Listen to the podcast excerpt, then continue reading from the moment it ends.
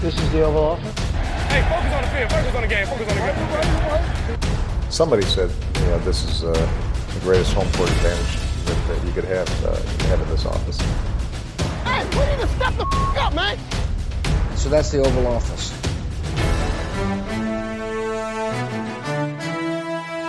Hej og velkommen ind for her i det ovale kontor. Vi er optager her onsdag den 1. september. Klokken er lidt over halv syv om aftenen. Jeg hedder Mathias Sørensen, og med mig allerede et par dage efter vi senest snakkede sammen, har jeg Anders Kaltoft. Hej Anders. Hallo, hallo, hallo, Mathias.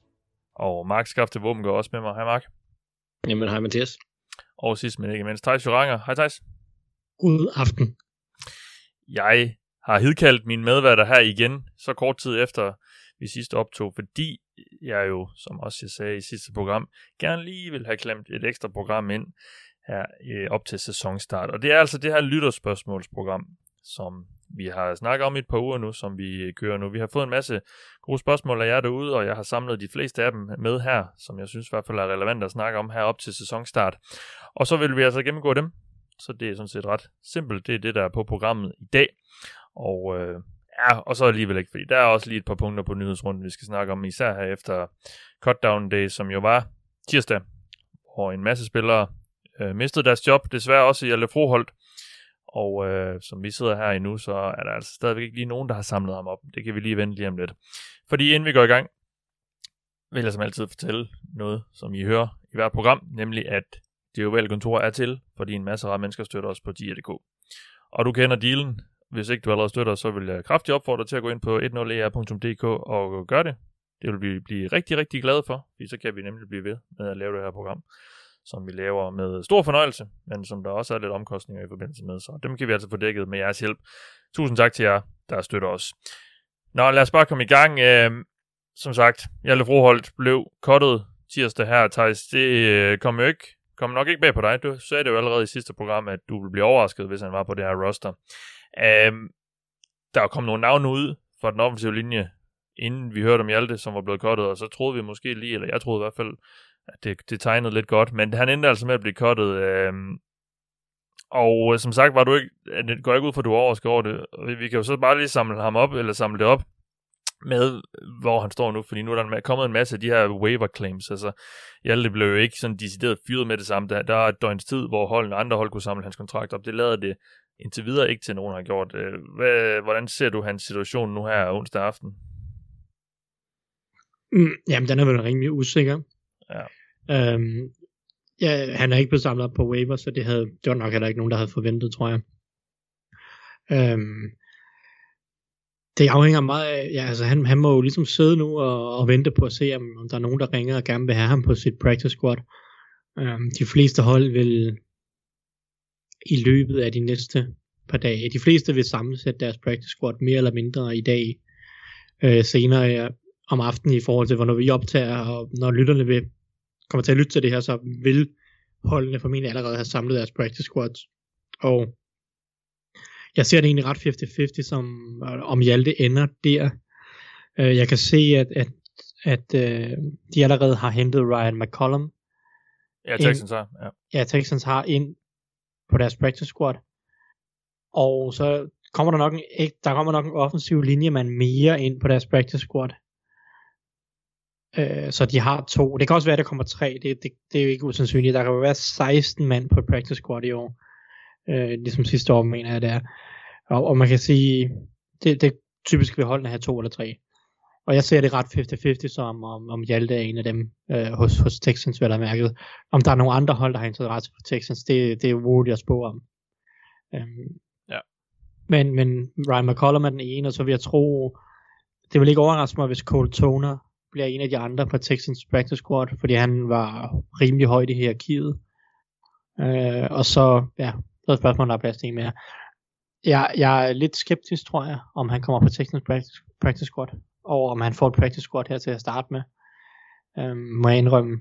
Det, jeg, jeg er bare ikke, øh, jeg er ikke helt sikker på, at han har ligesom vist nok, eller givet, gjort sig selv interessant nok, til at, Ja. at der, er mange, der er flere hold, der skulle stå i kø. Det er jeg bange for. Ja. Jamen, så kan vi jo så tage det spørgsmål, som Lasse Endrup stillede os og i forbindelse med, at vi bad om, om nogle lytterspørgsmål. Det gjorde han jo så inden Hjalte var blevet kottet af Texans. Han skriver om, han skrev om, om Texans i år, altså Hjaltes sidste skud i bøssen. Tror vi det? Det, det der er vel... Det, det tror jeg ikke ikke, nej. nej. Nej, nej. Jeg, jeg tror, at som minimum vil han være at finde en caneboss næste sommer. Og jeg tror heller ikke, han går hele efteråret her, uden at have noget interesse. I form af... Øh, jeg, jeg vil i hvert fald tro, at han på et eller andet tidspunkt bliver samlet op på et practice squad. Om det så er øh, i en længere periode, eller blot nogle uger, eller, eller hvad det er. Det, det ved jeg ikke helt, men jeg tror ikke, han går hele efteråret og er jobløs. Øh, jobløs. Eller topløs. Så jeg topløs. Nej, det lød bare lidt sådan.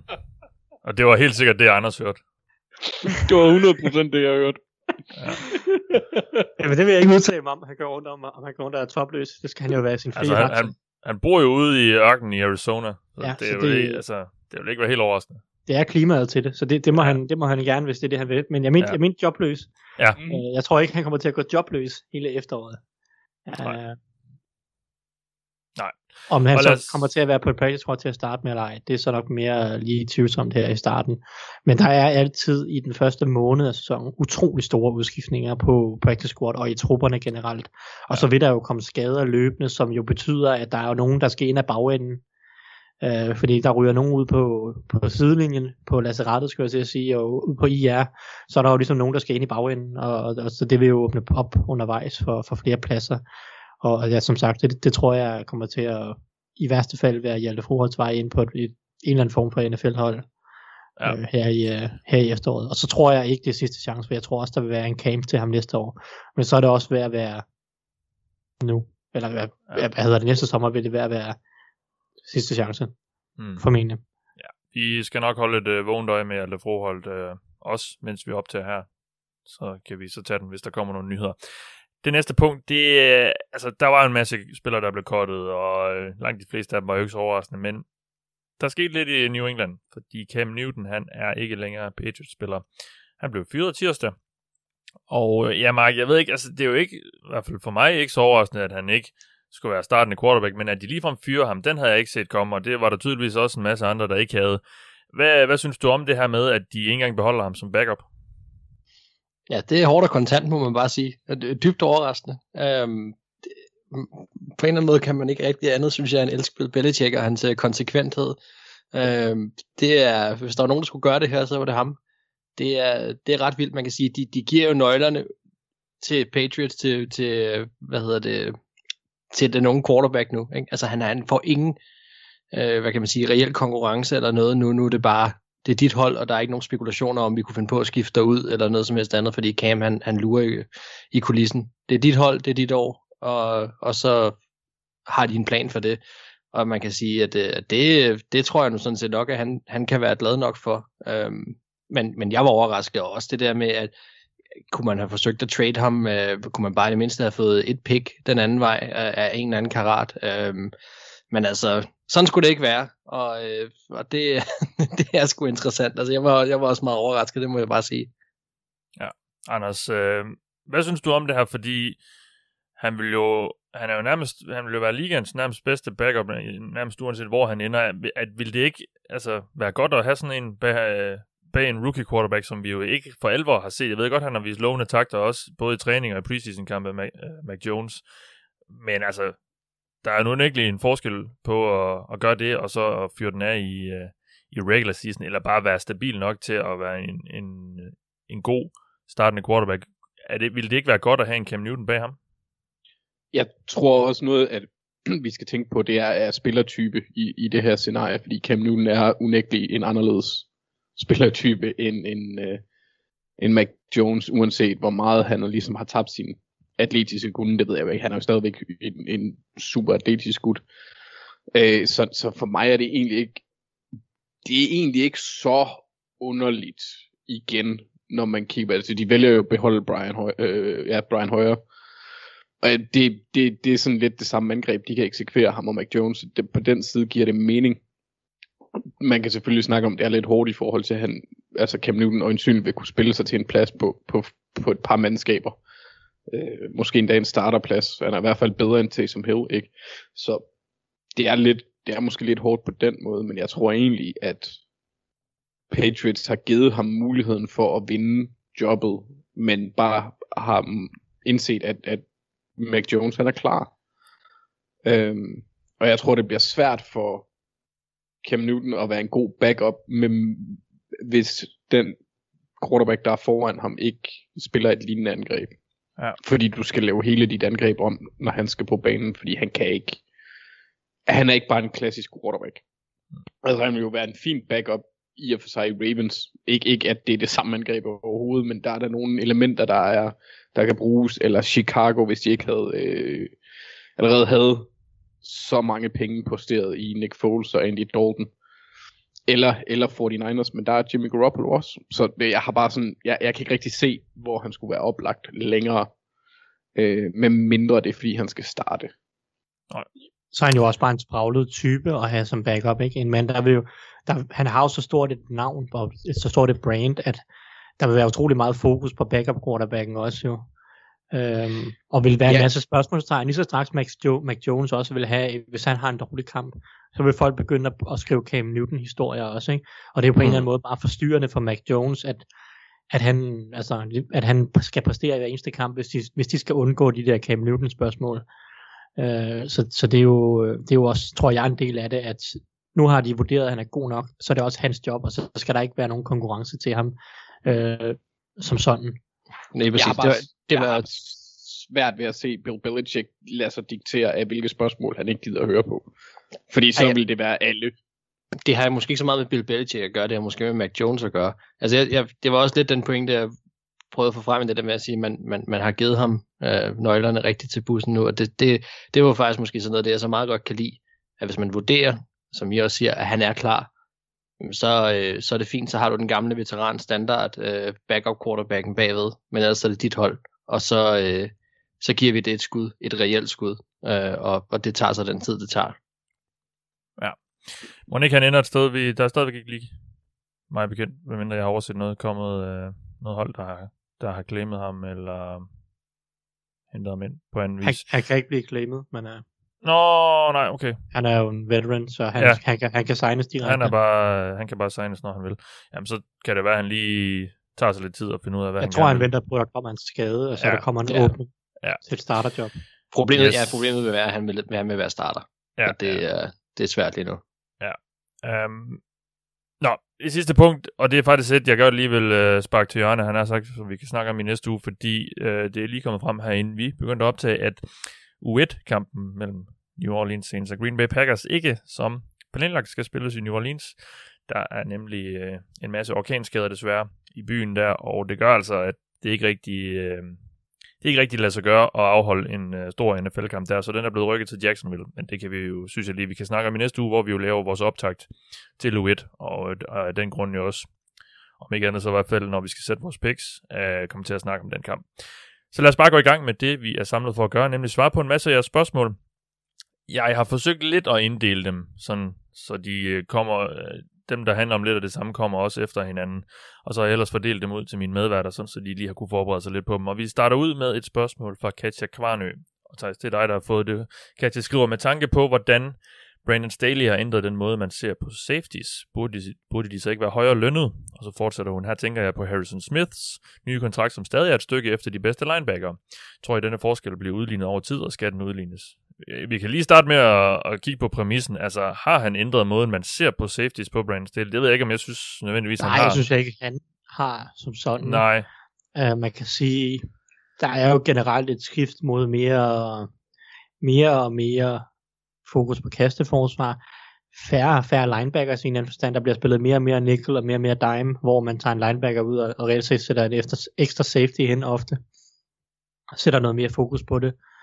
Øhm, og man kan sige, jo, Brandon Staley har jo mere end nogen anden sidste år øh, få linebackers på banen, altså og, og få mand i boksen generelt.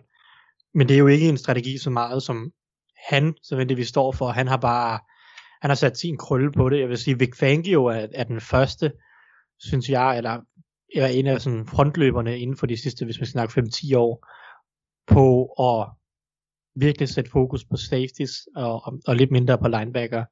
det vil jeg egentlig give Vic Fangio mere kredit for end Brandon Staley, men Brandon Staley er selvfølgelig også en Vic Fangio disciple. Ja, det er det. Ja. Men uanset hvad, så, så er der jo så er der et generelt skift i fokus en lille smule, tror jeg, øh, i forhold til det her, som, som der så bliver snakket om, om safety er ved at blive mere værd, om de burde være endnu mere værd i forhold til linebackers, så, så vil jeg jo sige ja, både og. Altså, jeg synes jo, der er et skift til fokus på mere og mere på og, øh, mere og mere på kastespillet. Og jeg vil også sige, jeg synes jo, at, at en af grundene til safety, sådan, safeties har været lidt en position, der har været devalueret måske for 10 år siden og 15 år siden, og så frem mod nu, øh, har været flere grunde, både talentmassen, der har manglet nogle af de her øh, kæmpe profiler øh, på safety til at trække markedet, fordi for 10-15 år siden havde vi Ed Reed, vi havde Troy Polamalu, og vi havde nogle af de her Hall of Famer. Hvis vi kigger op gennem tierne, der er ikke ret mange safeties, som jeg vil mene er Hall of Famer.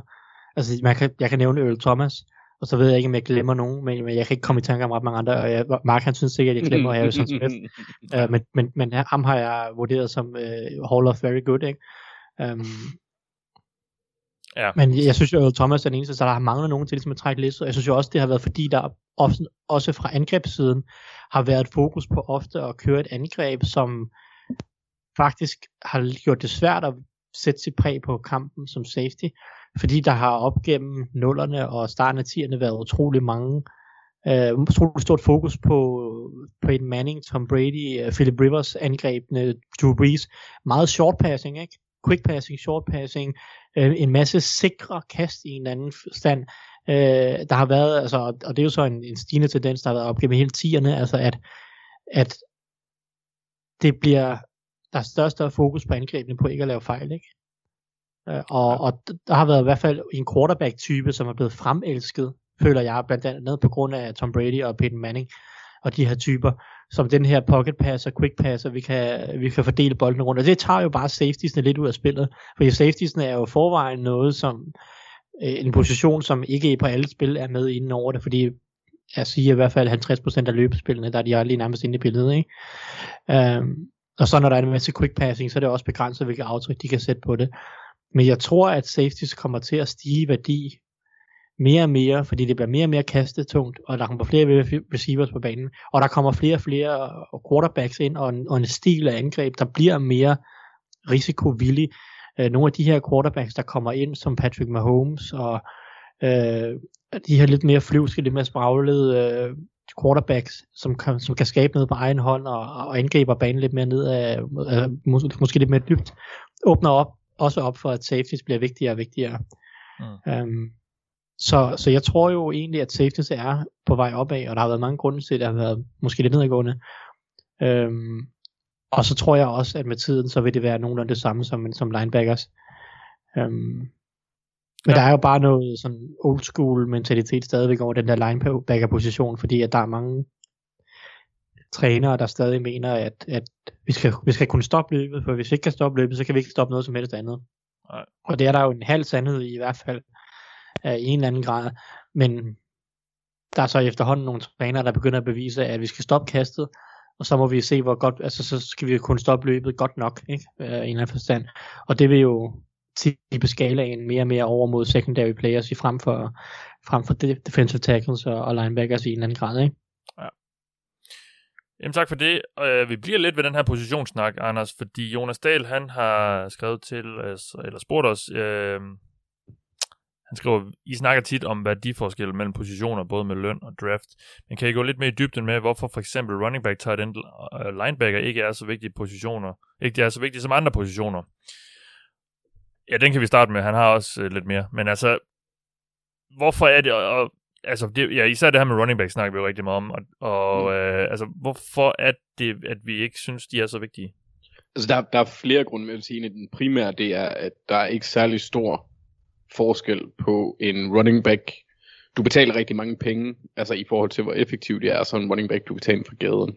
Altså forskellen er bare ikke så stor øh, i forhold til niveauet og hvad, hvad de kan lave af output. Man kan jo for eksempel se Ravens øh, for tiden, eller de sidste par år har haft et, altså deres running back snitter sindssygt yards, og Gus Edwards, han er, øh, han er i toppen af, af de running backs, der har haft bolden der øh, i forhold til effektivitet, og han er undrafted free agent, hvis jeg ikke tager helt fejl. man kan også snakke om Shanahan i, i Broncos-årene, hvor nærmest alle, der løber i det angreb, de får 1000 yards. Øhm, så er der så også, kan man sige, effektiviteten i forhold til øh, antallet af spil, hvor øh, hvis man virkelig gerne vil grine af mig, eller, eller nyde at høre mig gnide mig i, i smerte og irritation, så skal man genhøre øh, vores, mig og Thijs' showdown om, øh, øh, da, da vi, da, øh, fra 2018 tror jeg det er, hvor vi snakker Saquon, hvor vi har en debat om, om man kan tage en running back i, i så højt i første runde. Ja. Øh, hvor Thijs han sætter mig videre tryk, eftertrykkeligt til vægs. Det, det er ja. så ubehageligt at, at, at, at høre på. Øhm, når, når vi snakker linebackers, så synes jeg også, det er vigtigt, at man siger, det er off-ball linebackers. Ja, øh, altså ikke dem, der jagter quarterbacken. Lige præcis. Øhm, og, og så synes jeg også, altså, jeg, jeg synes, at der er forskel på, hvilken spiller det er, om der er værdi. Sådan en som Fred Warner vil jeg gerne betale mange penge. Sådan en som CJ Mosley, hvis primær styrke er i, imod løbet. Det vil jeg nok, øh, det vil jeg ikke. Det var også derfor, jeg egentlig ikke, jeg var, jeg var lidt ked af, at han forsvandt, men så alligevel ikke i forhold til, hvad han ville koste, da han røg til Jets. Fordi det er bare, de har en indflydelse, der ikke, altså de har ikke så meget indflydelse på spillet, som de har haft. Nej. Øhm, så det, det, det er de grunden til de to for mit vedkommende. Titan, der synes jeg også, at det altså der er bare meget stor niveauforskel. Og igen sammenlignet med, om man vil poste penge i en wide receiver eller en tight end, det har vi også snakket om. Det tror jeg blandt andet sidste mm. år, vi gjorde mellem øh, Amari Cooper og Travis Kelsey. Der var en eller anden sammenligning, eller, eller George Kittle, noget i den stil. Ja. Som vi snakkede om.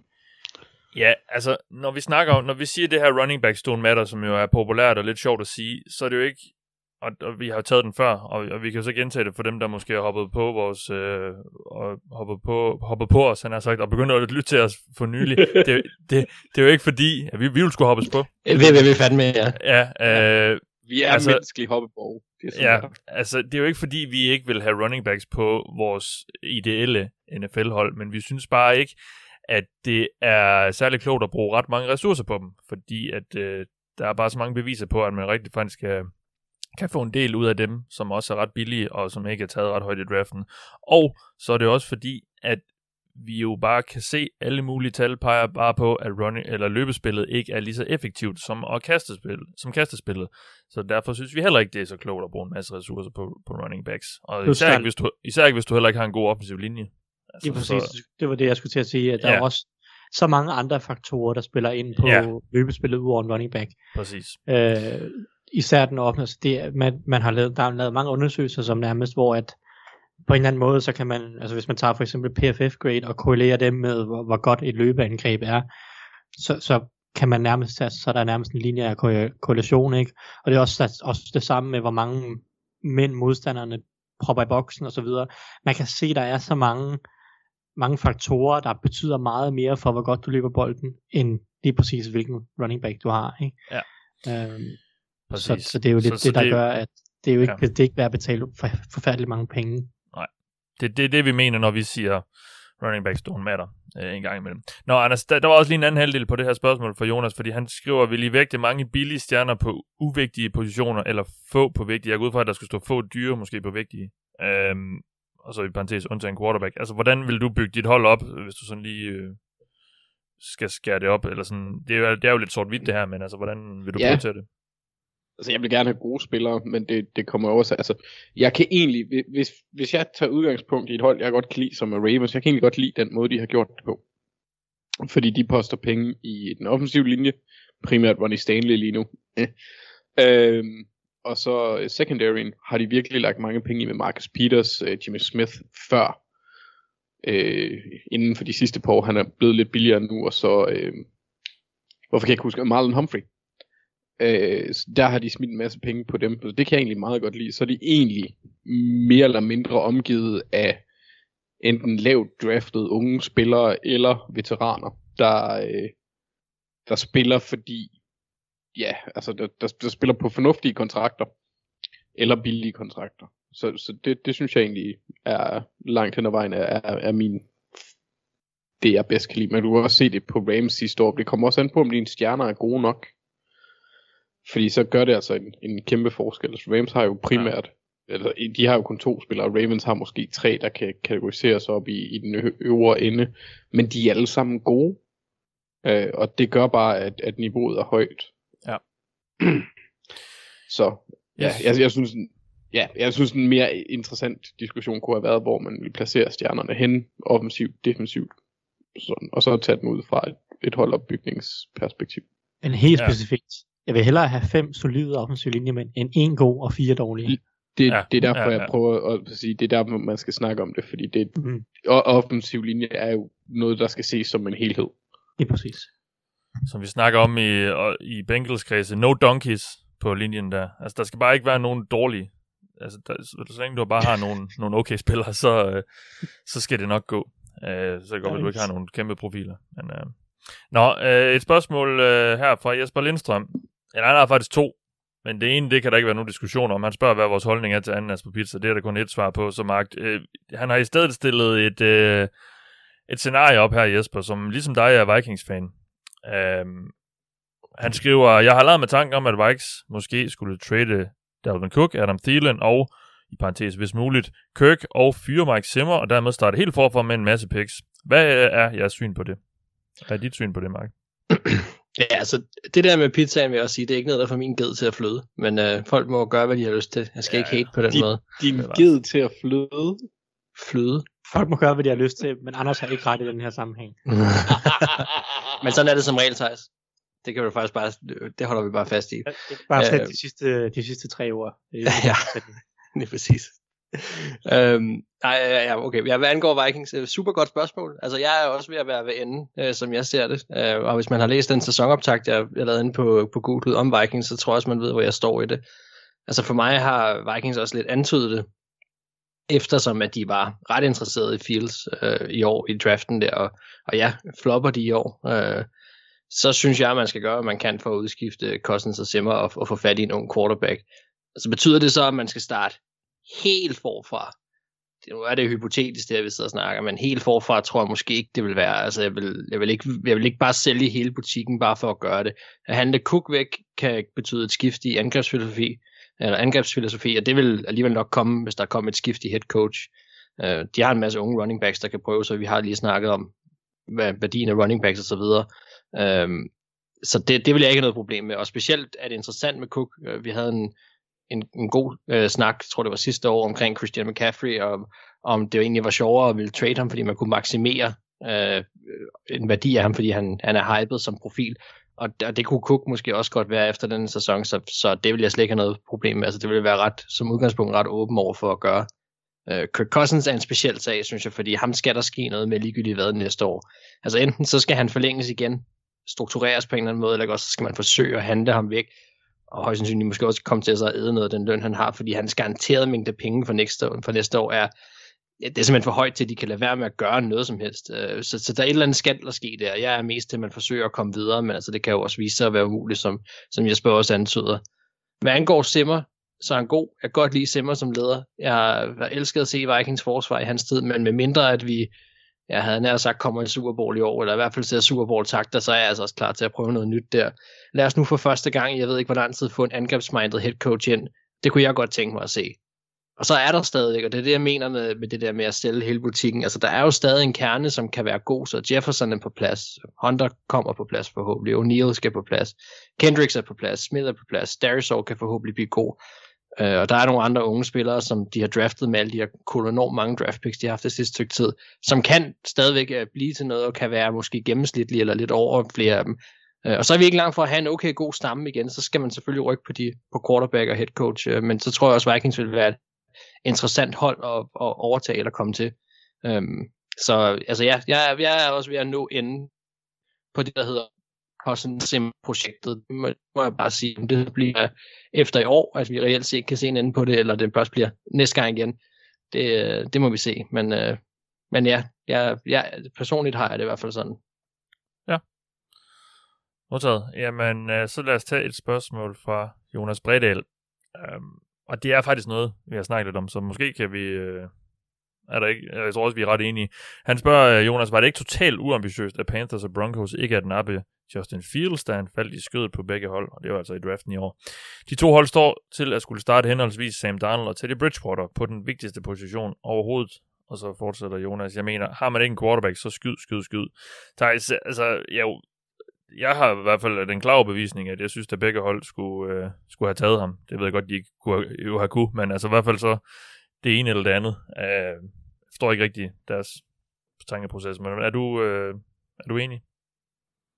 120 procent. Ja. Og det vil jo sikkert være Justin Fields. Det kunne have været Mac Jones. Ja, det kunne det Ja, også. hvis, man, hvis, man kunne lide, har, hvis man kunne lide ham selvfølgelig. Altså, han har jo gjort det fint her i preseason. Nu må vi se, hvad han kan i regular season. Um, men jo, altså, der er jo kun et forsvar, som Broncos og Panthers har. Og det er, at de vidderligt ikke kunne fordrage hverken Mac Jones eller Justin Fields som prospects. Altså, de, vil, de, de troede ikke en dag på dem. Det er det eneste forsvar, de har. Ja. Hvis de troede bare det mindste på den ene af de her to, så skulle de jo have taget dem. Det kan jeg, simpelthen, jeg kan simpelthen ikke se andet. Jeg ved godt, Panthers, de føler, at de har investeret i, i Sam Darnold. Uh, men det er jo det er bare ikke en reel undskyldning. Jeg synes jo, Sam Darnold har lignet lort her i preseason, men det er jo det er bare mig. Um, Ja. ja. For at sige det lige ud. Så, så jeg, jeg tror, at Panthers de føler, at de ligesom investerede i Darnold og gav ham den ekstra chance der, så bør de prøve at udskyde lidt over, men jeg synes, at det er, det er så en stor fejl. Det synes vi nok alle sammen. Um, men især Broncos jo, som jeg ved godt, de, går, de gik også ud og hentede Teddy Bridgewater omkring draften, men ja, ja Altså, jeg- jeg synes jo jeg, stadig- jeg, synes, det er 100% ja. enig. Altså, de har kun et forsvar, og det er, at hvis de ikke troede noget som helst på de to quarterbacks, og det kan de jo, det er jo selvfølgelig i deres fulde ret til at, at, at ikke at tro på quarterbacks, så de skal jo ikke tage dem, hvis de ikke tror på dem. Øh, men nu må vi se, om, om, om de får ret på lang sigt. Øh, Jeg tror, at, at uh, både Fields og Mac Jones bliver startende quarterbacks, der er bedre end Sam Darnold og Teddy Bridgewater.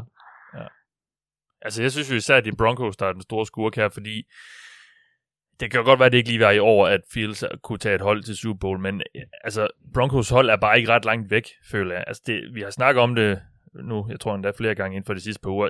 Der er nærmest, de er nærmest kun en rigtig god quarterback væk fra at ligne et hold, der kunne være en seriøs udfordrer i AFC. Panthers er et lidt mere langsigtet projekt, og jeg ved godt, de også skal have en quarterback før eller siden jo. Men altså, Broncos synes jeg bare, det var så oplagt en mulighed for ret hurtigt at smide en quarterback ind, som, øh, som ville kunne løfte i forhold til det, de havde på rosteret. Ja, altså man kan sige, de mangler ikke ret mange positioner, vel? Nej, det er det. Så, så de, de, skal jo bare, de skal jo bare fyre, fyr løs på den der quarterback-position. De skal jo give den alle chancerne. Altså, de skulle have draftet en rookie, de skulle have traded sig til Teddy Bridgewater, de skulle have været inden over Aaron Rodgers, øh, det kan også være, de er det næste år, men altså, de skal jo de skal spille på alle heste. Alle, quarter, alle, alle quarterback-heste skal de bare spille på, jo. Fordi resten af rosteret er fint. Jeg tror, resten af rosteret er godt nok til at gå langt i slutspillet, hvis de bare havde en god quarterback. Så, så de skal jo bare skyde på alt, hvad der rører sig nærmest. Øh, og det er jo så det, man, så skød man på Teddy Bridgewater, og det kan vist ikke kategoriseres som, som særlig spændende. Jeg synes, øh, jeg synes også, at folk de bør gå ind og se vores øh, live-dækning af første runde for årets draft, og så se vores kollega Magnus Jylnes reaktion, da først Broncos tager Patrick Sertain, og bagefter, når det Bears de trader sig op og tager Fields ved 11. Ja, han er Broncos-fan, Magnus. Ja, han er Broncos-fan. Det, det er, Jeg var fortvivlet. det, det er for at sige det mildt, ja. jeg synes faktisk, han holdt masken meget godt. Ja, ja, ja men han er, han er en, øh, han er en Eller afmålt fat- herre, men det var. Ja. ja, det var, det var en rimelig, du kunne godt se, at, at han godt ville have råbt lidt, men det er han ikke typen, der gør. Bare var ikke sur, han var skuffet. Ja, Ja. det var han. meget, meget skuffet. Nå, jamen, øh, der er enighed, og det har der jo sådan set været hele offseason om, at øh, de to hold her, Panthers og Broncos, øh, missede en stor chance for at lave en opgradering på quarterback-positionen. Vi tager et, øh, et, et, endnu et holdorienteret spørgsmål, Anders. Det er, øh, det er Bjarnum, der skriver, om vi ikke lige kan vende Lions' situation. Han skriver, og så fortsætter han, jeg anser Jan Goff, og der må jeg vel sige, Bjarnum han er med. Han, øh, han lytter til os. Tak for det, Bjarnum, tydeligvis. Jeg anser Jan Goff for at være en transitions quarterback, uh, transition quarterback, men også Dan Campbell for at være en caretaker, indtil de har et slagkraftigt hold, eller Dolphins. Men bør de ikke være på udkig efter en mere innovativ head coach, der kan være med til det lange rebuild? Er det ikke det, han er netop ansat til, det lange rebuild, Dan Campbell?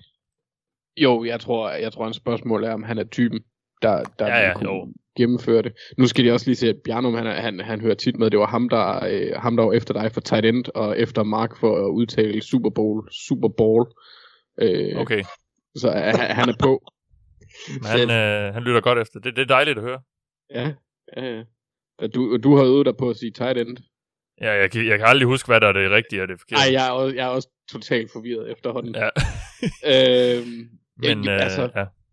det er en Campbell, jeg, jeg ved ikke helt, altså for mig se, skal han, den måde han kommer til at fungere, det er igennem hans assistenttræner, for han skal være den der CEO-type. Jeg tror ikke, han er en X's and O-guy. Øhm, og der har han en, det er jo svært at sige, uden at de har spillet en kamp, men jeg synes, han har lidt mixed signals, øh, som han har sendt, fordi jeg kan lide alle hans assisterende træner, på nær hans offensive koordinator, som er Anthony Lynn, som jeg er meget skeptisk omkring. Øh, men, men foruden ham, så synes jeg egentlig, det er meget godt. Jeg tror egentlig også godt, at han kan lave et rebuild, for der er nogen, som Thijs også har nævnt, som jeg også har nævnt tidligere, der er nogle brækker, som kan, øh, hvor der er noget potentiale, der kan løfte Lions til et relativt højt niveau, relativt hurtigt, både på forsvaret og på angrebet. De mangler en quarterback. Øh, jeg tror ikke meget på, på at øh, Jared Goff, han bliver Jan Goff, og dermed en øh, ny stjerne i Detroit. Øhm, så og så, så skal man også, han sammenligner det jo med Dolphins. Det var også øh, Brian Flores, der stod for at, at lave en stor del af, af ombygningen der. De, de rullede jo totalt op, da han kom ind. Og det, jeg, jeg ved ikke, jeg kan egentlig godt se det ske for Dan Campbell også. Ja. Altså, det er så forfærdeligt. Altså, deres, det, ja, der er nogle ting, der kan lykkes. Deres receivergruppe er det eneste, som jeg, hvor jeg kan sige, det, et, øh, det ser ikke godt ud på papiret. Øhm, men, ja, så selvfølgelig quarterback. Men, men ellers så er der, altså, det, det kan blive godt. Øh, men, der, det Men, men han har vel lidt- ret i, at, at Jan Goff ikke er, nok, ikke, nok ikke er fremtidens mand, jo. Nej, det, det, er også det, det er også derfor, jeg ser ham også mere som, Ja. som Bjarnum gør med en transitions quarterback. Jeg ved bare Ja. ikke, om jeg ser øh, Dan Campbell som caretaker. Nej, nej, For det nej. gør jeg ikke rigtigt. Jeg, jeg, jeg tror egentlig godt, han kan få succes. Men jeg synes, I, ja, altså, og det lader så også til, at han, Bjarnum er indforstået med det. Altså, det, det ligner jo et hold, der er, er, er klar til virkelig at strippe det, og, og, ja, strippe det helt ned, han har sagt, øh, og så bygge noget nyt op, og med, med de typer spillere, de synes, de skal have. Øh, og jeg, jeg, jeg synes egentlig heller ikke, altså, jeg tror jo ikke, det har vi også snakket om mange gange, jeg tror ikke så meget på dem i år jo, men jeg har bare, og selvom han siger nogle skøre ting, Dan Cable, så har jeg bare en eller anden fornemmelse af, at han også godt kan noget. For jeg tror, spillere reagerer på en spiller, eller, øh, altså, eller reagerer positivt på en, på en type som ham. ja, jamen, altså, jeg, jeg ser ham lidt som en, kan man sige, en blanding mellem, øh, okay, så god er han heller ikke, men en blanding af, af John Harbaugh og Mike Tomlin, der så lige har fået et, et, et, et slag i ansigtet, fordi han har spillet fodbold for meget. Og et godt skud re- redneck.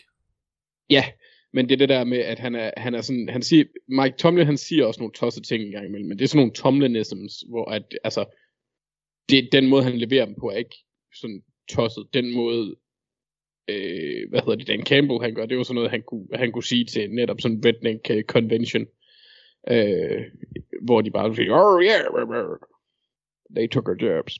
Og øh, så, så jeg kan godt se ham som ja. den der ja, CEO-type, fordi som du siger, så tror jeg egentlig også, at spillerne de reagerer fint nok på ham. Øh, spørgsmålet det- er så, hvad der sker, hvis de taber. Ja, Rigtig. og han, de Rigtig. skal jo på en eller anden måde, han skal jo på en eller anden måde få overbevist holdet om, at projektet, han er, han er i gang med at stable på benene, har sin gang på jorden. Altså, Ja. øh, og det er jo lidt det samme, som vi så øh, Brian Flores gøre i, øh, i Miami. Og, øh, altså, det kan godt være, at de ikke vinder så mange kampe, men han formåede jo ligesom, og de har så også ret hurtigt begyndt at vinde en del kampe jo, men han, det var ret tydeligt, at han ligesom fik overbevist det her hold om, at de havde gang i noget godt, og der var en tro på det også, selvom øh, at navnene ikke var særlig prangende, så, så, så spiller de faktisk hederligt. Uh, Ja. Og det, det er måske også den, den fornemmeste opgave for Dan Campbell nu her i de første par år. Jamen, jeg kan godt blive lidt bange for, hvis det ikke lykkes, at han bliver den der, øh, vil sige, øh, sådan en, er gutten, der prædiker toughness, og vi skal Ja, ja, ja, ja, lidt mere end dine modstandere og sådan noget, Ja. hvor det meget hurtigt kan begynde at falde for døve ører. ja, så Øh. bliver det sådan noget floskler. Ja, øh, ja. Men, men altså, hvis der er en langsigtet plan, det er svært at vurdere. Ja. Med ham, men altså, han kommer, han har jo været hos Sean Payton. Jeg tror ikke, at han er gået derfra uden at lære et par ting. Nej, præcis. Øh, et spørgsmål her fra Finn Lindstrøm, og øh, han spørger om drafted quarterbacks nu har kortere tid til at overbevise general manager og coach om, at de er deres franchise quarterbacks set i forhold til for 10-20 år siden. Er der mindre tålmodighed nu, Mark? Øh, ja, altså det er ikke kutume at lade en ung quarterback sidde flere år bag en veteran i dag. Øh, det er måske lidt det, der så er ved at ske i Green Bay alligevel, men, men ser vi bort fra det, hvordan det foregår, så er der bare generelt mere fokus på at få en ung quarterback ind hurtigt, bruge hans billige kontrakt med det samme, og så ligesom bygge stærkt hold op omkring, og det er i hvert fald den tanke, mange har. Jeg, jeg kom til at tænke på, jeg sad lige og fandt det her tidligere, jeg kom til at tænke på en artikel, jeg havde læst uh, med The Ringer, hvor Matt Hasselbeck, den tidligere quarterback, der er nok mange, der kender ham fra, fra hans Seahawks dag, uh, øh, fortalte en sjov historie, uh, hvor han beskrev, hvordan netop forskellen på, hvordan man har set på de her unge quarterbacks har rykket sig i hans tid i NFL. Og han fortalte, uh, at han var veteran i en klub, der lige havde brugt et højt, højt valg på en quarterback, jeg sad så lige og forskede lidt frem og fandt ud af, at det må være Jack Locker, da han var i Titans i 2011, øh, fordi han valgte de nemlig top 10. Men efter en træning, så vil Jack Locker gå ud fra at gerne kaste lidt ekstra bolde, men øh, Hasselbeck havde ikke, han havde ikke nogen intention om at hente bold til ham. Og da Locker så gik i boldrummet, så var det låst af, og så var han nødt til at finde en eller anden, der arbejdede det der kompleks, og eller noget for lov til at låne en bold, hvis han afleverede den tilbage igen, når han var færdig. Altså ifølge Matt Hasselbeck, så var det den standardprocedur, han voksede op med de der 15-16 år, han var i NFL. Altså når en ung quarterback ville noget ekstra, øh, så kan det godt være, at han var draftet som holdets fremtid og så videre, men det var han ikke endnu. Altså den magt havde han ikke, øh, selvom han eventuelt var valgt i top 10 eller top 5. Men da Hasselbeck så kommer til Colts nogle år efter, så beskriver han en ung Andrew Luck, der sidder som rookie i filmrummet og råber midt i det hele, ind over det hele til Reggie Wayne og T.Y. Hilton, at øh, vi skal ud og kaste noget bold efter træning. Og det resulterede så i, ifølge Hasselbeck, at efter træning, så kom der nærmest en mindre her af folk, øh, der blev efter træning. Altså, der kom tre bolddrenge, athletic-trænere med vand og headset, Coles filmcrew blev efter for at filme det, for at bruge det. Øh, der kom running backs, tight ends, o folk, der spillede med. Og det efterlod Matt Hasselbeck, ifølge ham selv, som stod bare med åben mund og 15 år på banen i NFL og troede, at det var Peyton Manning, altså der, der stod derude. Men det var en ung rookie. Så han, han synes jeg beskriver meget godt det der magtskifte og værdifølelse, der måske har været af en ung quarterback, øhm, som har udviklet sig, og, og det er måske det omkring 2012, der omkring, hvor vi begynder at se Andrew Luck, Russell Wilson, RG3, øh, nogle af alle dem der, der kommer ind, og, og virkelig er hvad kan man sige, blevet symbolet på, at man kan ramme guld med en ung quarterback allerede første år, og, og maksimere hans billige kontrakt. Men, øhm, men, men det du snakker lidt om der, er jo, det, er jo, det er jo i forhold til holdenes tålmodighed, i forhold til, hvornår skal man smide den her unge quarterback for løverne. Det finder han jo også lidt ind på, eller det, der er ligesom, som jeg forstår hans spørgsmål i hvert fald, det er, de her quarterbacks, når de så er på banen, skal de så præstere hurtigere, end de skulle før i tiden? Men jeg synes, det, jeg synes, det hænger sammen. Altså, det er, okay. jo, det, det er jo, jeg synes, det er det samme, altså, at, øh, at, at det har lige så meget at gøre med, hvordan de bliver behandlet øh, på holdet og, og, og, og også på banen. Og ja, deres tålmodighed synes jeg generelt er, at, at jeg synes, den er blevet kortere. Øhm, og, og der er mange andre hvad kan man sige, grene i den her diskussion, der også er, er, er, er, kommer frem, når man begynder at snakke sådan noget her, fordi altså, øh, der, der, i den grund til, at jeg kom til at tænke på den der artikel, det var fordi, der var en, øh, en statistik, de havde siddet og lavet selv om, hvor, hvor succesfulde øh, de her unge quarterbacks har været, fra, jeg tror 2010 og, og så frem til nu. Øh, og, og der havde de delt dem op i og forsøgt at lave, at dem, der var kommet til gode hold, og dem, der var kommet til dårlige hold. Og dem, der var kommet, altså det viste sig, at det, de kaldte for gode hold, som var hold, der inden for de sidste to år havde haft en vindende record eller været slutspillet, de ramte en startende quarterback eller en god quarterback på 64% af gangene, mens de dårlige hold, det var så det modsatte, altså nogen, der ikke havde haft en vindende record i løbet af de sidste to år eller været slutspillet, de ramte kun på 32%. Og der har vi, har vi jo fat i de hold, som vælger højere Altså de dårlige hold, der vælger højere og, og lægger meget mere pres på deres unge quarterback, og de har måske bare en tendens i år, eller i, i vores tid, til hurtigere at skifte dem ud også, fordi hvis de bliver ved med at være dårlige, så bliver de ved med at kunne vælge højt, og så er det, at vi kan se en, for eksempel en Josh Rosen situation, eller man måske mister lidt tålmodigheden på, på en måde, man ikke gjorde tidligere øh, i NFL. Og det kan ja. man også sige, altså, men der er jo så mange af de her ting, som, som spiller sammen, og det handler jo dybest set også om, har man et godt hold, har man ikke et godt hold. Det er jo også det, der er i, i Bengals lige nu med Joe Burrow. Vi ser en, en spiller, som er god, men hvis ikke der er en o så er det ligegyldigt, hvor god han er. Mm. Øhm, så der er, der er nogle ting, der, der, på en eller anden måde skal udlignes der. Øh, men, men jeg synes klart, at, at, at, at nu siger han selv så mange år tilbage, om, om det har ændret sig. Det synes jeg klart, det har. Jeg ser på dem ja. på en fuldstændig anden måde. Øh, og tålmodigheden er i mine øjne, både på banen, men også bare generelt, hvad man har pres og forventninger til dem øh, fra start af. Det, det er noget helt andet. Altså. Ja. Jeg kan også huske, jeg, jeg, jeg begyndte at følge NFL i midten af nullerne. Der, der var det jo sådan lidt kutyme, at når du, hvis du draftede en, en quarterback i toppen af første runde, så, så var det sådan lidt, så var det meget normalt at lade ham sidde på bænken i et år. Altså nu, nu er det nærmere en undtagelse, at de kommer til at sidde på bænken i et år og, og lære. Nu skal de bare i gang, og det er jo så også fordi holdene som regel jo, eller nogle hold, når de drafter en rookie quarterback, som for eksempel som Fort Niners i år, så er der et hold omkring dem, som ser rimelig klart ud, og så kan man jo så vurdere, om de skal på banen eller ej, eller hvad man, i forhold til, hvad man har ellers i quarterback-rummet. Men jeg, jeg vil også give dig ret i, jeg synes, der det, det er mere reglen end undtagelsen, nu, ja, altså, at, at de kommer men, i gang med det samme. Men har det ikke altid været det? Nej, det har det, det, har, det synes jeg ikke, det har. Altså, det, altså, det, har... helt, helt, helt seriøst. Jo, det har det jo. Det er Carson Palmer og Aaron ja. Rodgers. Kan I nævne flere, der har siddet? Med Holmes. Ja, ja. Jo, jamen, men det, det, det er tre på 20 år. Jamen det er altså de quarterbacks, ja. den grund til at du kan nævne dem også, er jo også fordi det er de quarterbacks, der kom frem og virkelig blev til noget. Der har jo også med garanti siddet quarterbacks bagved, som ikke er blevet til noget. Eller som måske som endda, eller som, eller, eller, eller som kommer ind og spiller. Ja, men prøv det, du, det her, det, vi snakker om, at du kan sagtens bare være en quarterback, der er valgt i første runde måske. Du behøver ikke være et top 10 valg. Uh, men, men du kan godt være blevet draftet til at skulle sidde bag en quarterback, man, som måske har været ældre, og så kan det så godt være, at du er nødt til at blive cuttet inden, eller der er en helt tredje, der er kommet i spil øh, på et eller andet tidspunkt via free agency, eller, andet. Det kan godt være, at de bare ikke havde talentet, men de kom bare aldrig ind. Altså, der, der har været en ændring, og det grund til, at vi overhovedet kan have den der snak om Green Bay også nu, en ting er selvfølgelig, at de kunne have taget en wide receiver og, og Aaron Rodgers og, og alt det der ting, men, men, men det er jo også en snak, vi har, fordi at man tænker, når de tager en quarterback på den måde, så er det fordi, de vil bruge ham nu. Det er fordi, de vil bruge hans kontrakt og alle de ting. Og det hvis, det. Han, skulle, og hvis ja. han skulle have siddet 3 til fire år bag Aaron Rodgers, så er den spildt. Og, og det, er jo den, det er jo den diskurs, vi har i dag, og det er jo derfor, som jeg er meget enig med det, Mathias siger, at det er nærmere rent en undtagelsen, fordi det er straks det, vi begynder at snakke om, og det er det, jeg mener, at 2012 årgangen, synes jeg egentlig var et meget godt skilmærke fra nogle af de der, hvor man virkelig, synes jeg, begyndte at tænke på den måde derfra. At sige, Men det er, så også, det, det er så vel også der omkring, at der kommer øh, cap på, hvor meget rookies skal have, og de ikke, Lige præcis. Det var ligesom, at, det ligesom øh, Sam Bra- eller Matt Ryan og Sam Bradford, der mm. går direkte ind og er top 5 bedst betalte quarterbacks i ligaen. Det er rigtigt. Øhm, det er jo en kæmpe konkurrencemæssig fordel, hvis man kan få ja. sin rookie ind, og han kan spille godt. Ja, Lige så har du en masse penge, du kan bruge på alt muligt andet. Ja. Så det er jo den ene ting, og så vil jeg sige, at den anden ting er jo også bare, at øh, NFL og college har bevæget sig meget tættere på hinanden systemmæssigt, så der er meget mindre, altså overgangen fra college til NFL er jo bare mindre, og springet er mindre.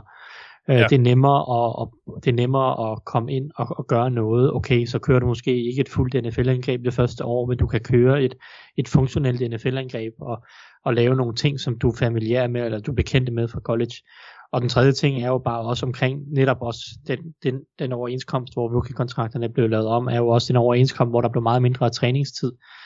Øh, så det er jo også en ting, som bidrager til, at du sjældent ser, eller du i endnu mindre grad tror på, at du kan udvikle, hvis de kommer ind og viser noget med det samme, så har du ikke så lige så stor tiltro til, at du kan udvikle dem over lang tid, fordi du har ikke den samme træningstid, som du havde for 20 år siden. Øh, det er jo sådan helt generelt, at men, men, men, den, men netop det der, det har vel også været med til at gøre, at quarterbacksene hurtigere bliver smidt for, fordi du har ikke så mange reps at give af, så, så dem giver du til din rookie, og så kommer de ind og spiller. Ja, men det, det, det, det trækker begge veje, ikke? Ja, ja. Men det, ja. ja. Jeg, jeg, jeg, jeg vil mene, at, at kontrakterne, og så schememæssigt overgang fra college til NFL, altså, eller forskel mellem college og NFL, den er mindre. Ja. Det vil jeg mene er de to største grunde til, at vi ser rookies komme ind uh, i højere og højere grad, og måske have mindre og mindre tålmodighed. Ja. Uh, men, men jeg vil så også sige, jeg er enig med dig, Anders, sige, det er godt, at vi nok alligevel romantis eller ikke romantiserer det, men at vi nok alligevel øh, har et lidt forskruet forhold til, hvad man gjorde før i tiden, fordi det er jo rigtigt, at det er jo ikke super mange, der, der ender med at sidde mega længe bag nogen og lære. Al- altså de fleste kommer ind i løbet af deres ja. første år. Jeg tænkte ja. også mere dem, der sidder den første sæson, sådan ligesom Carson Palmer gjorde bag ja. øh, John Kittner for at lære, ja. og ligesom Aaron Rodgers gjorde, fordi Brett Favre han bare blev ved med at spille godt den ja. type tror jeg ikke, man ser så ofte. Altså, der har jo været masser, der ikke har spillet, fordi de har været elendige. Johnny Mansell, eller jeg tror også Christian Ponder gik noget tid før. Altså, men det er jo også spillere, som ikke burde være blevet taget i første runde til at starte på. Ja. Øh, Det er rigtigt. Men, men altså, ja, og hvis vi går endnu længere tid tilbage i tiden, som man snakker om der, så er der jo nogle af de der mere legendariske, blandt andet for Bordy Steiners og så videre, som har overtaget efter hinanden og har også siddet og stået. Så de er, det har eksisteret. Men, men Ja. ja. der, er, der er altså noget i det der også med, og, og, og det bliver interessant i forhold til det der med, om, om, det, er, 49ers. om det er de dårlige hold, som ender med at, øh, hvad hedder det, øh, at tage de her quarterbacks, og hvis, hvis, der, hvis de så ryger ind i en eller anden form for ond spiral, fordi de ikke når at bygge et godt nok hold op, som betyder alt, så kan det være, at de ender med at skyde flere gange på, øh, på quarterbacks meget hurtigt, og så får vi en, en meget hurtig udskiftning lige pludselig, end vi måske er vant til. Altså, så giver man ikke en, en rookie quarterback mere end et år måske, eller en halv sæson, fordi så er man dårlig igen, og så kan man vælge top 5 igen, og så går man videre. Ikke? Altså, det, det er jo sådan noget, vi, vi sagtens skulle se i år. Jeg vil ikke, altså, det er jo sådan, vi diskuterer det jo også med Miami Dolphins for eksempel. Uh, vi har set uh, Denver Broncos vælge quarterbacks i ret hurtigt tempo også. Uh, John Elway er måske lidt en outlier generelt, uh, men altså, det er jo en reel diskussion, vi har, og vi kan også godt sidde og forsvare og sige, jamen hvis Dolphins ikke føler, at de har den på tur, så har de to, tre, whatever, første runde picks. Brug et af dem på en quarterback igen. Lad os se, hvad der sker. Mm. Øhm, det er ikke dermed sagt, at jeg ikke synes, de skal give ham chancen, men vi kan godt sidde og leg- legitimere og have de her diskussioner, øh, fordi at det har rykket sig. Ja, vi bliver lige samme rille, fordi vi har fået nogle flere spørgsmål, der relaterer sig til det her med øh, hvor, øh, rookie quarterbacks, og hvornår skal de spille.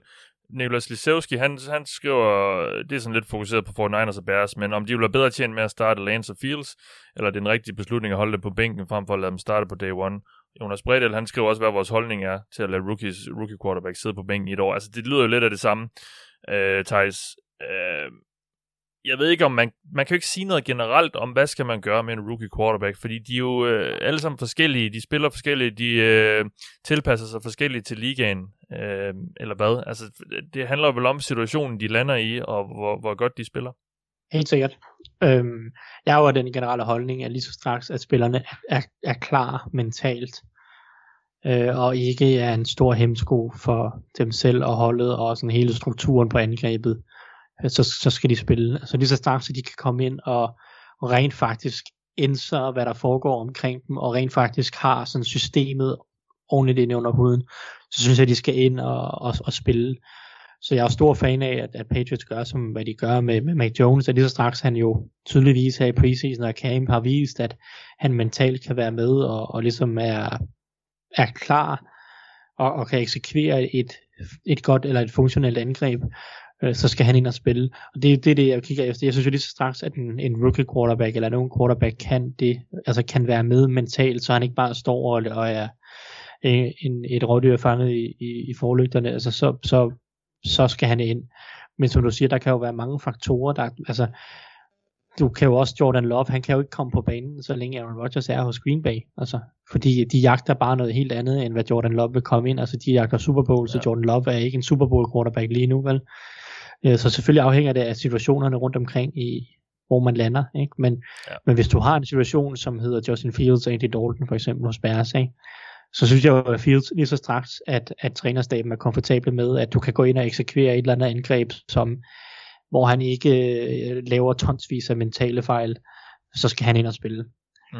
Øh, det, det, det er min holdning til det, og, Ja. det, det, og sådan er det også i 49ers for den sags skyld, fordi jeg synes Ja, jo ikke, der, ja, fordi- der er ikke noget lys i, i Garoppolo for den sags skyld. Øh, Nej, lad os, lige jeg. zoome ind, lad os lige zoome ind på 49ers, fordi Martin Smedegaard spørger os netop ind omkring quarterback-situationen i 49ers, og han, øh, han skriver, kan det gå hen og blive en distraktion, at der er for meget fokus fra medierne på, hvornår Lane skal spille i stedet for Jimmy G?